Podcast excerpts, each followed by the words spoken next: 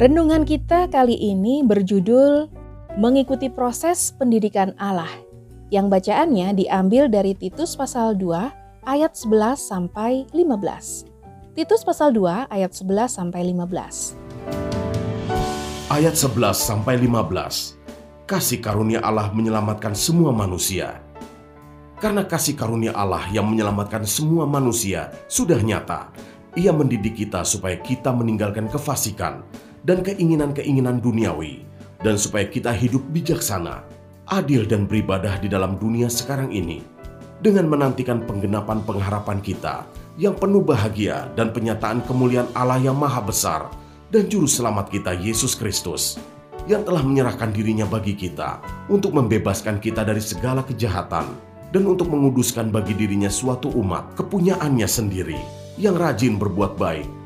Beritakanlah semuanya itu, nasihatilah dan yakinkanlah orang dengan segala kewibawaanmu.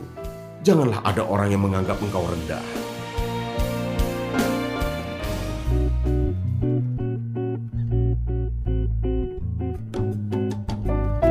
Ia mendidik kita supaya kita meninggalkan kefasikan dan keinginan-keinginan duniawi dan supaya kita hidup bijaksana, adil, dan beribadah di dalam dunia sekarang ini.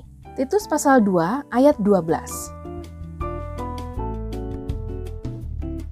Pendengar yang dikasih Tuhan, agar seseorang itu memiliki pengetahuan, memiliki budi pekerti, memiliki etika dalam hidup, dan memiliki peluang untuk hidup lebih baik secara ekonomi, maka diperlukan pendidikan.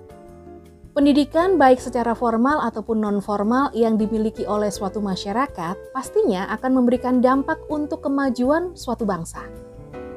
Dalam bacaan kita saat ini, nampaknya Paulus juga sangat memahami kehidupan orang-orang Kreta. Sehingga Paulus memberikan nasihat supaya orang-orang percaya bersedia untuk mengikuti proses pendidikan Tuhan melalui hamba-hamba yang diutus untuk melayani mereka.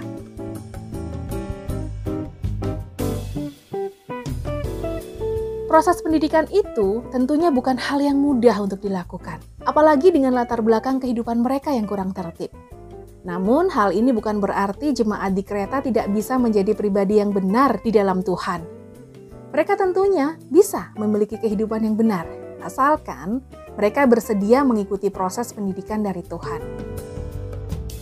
Tetapi karena Allah juga menghargai kehendak bebas manusia, maka hanya pribadi yang bersedia saja yang akan dididik oleh Tuhan.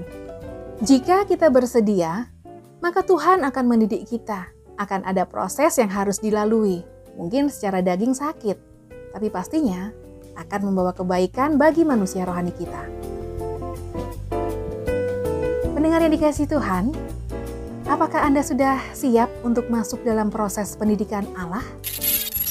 Segala tulisan yang diilhamkan Allah memang bermanfaat untuk mengajar, untuk menyatakan kesalahan, untuk memperbaiki kelakuan, dan untuk mendidik orang dalam kebenaran. 2 Timotius pasal 3 ayat 16. Tuhan Yesus memberkati.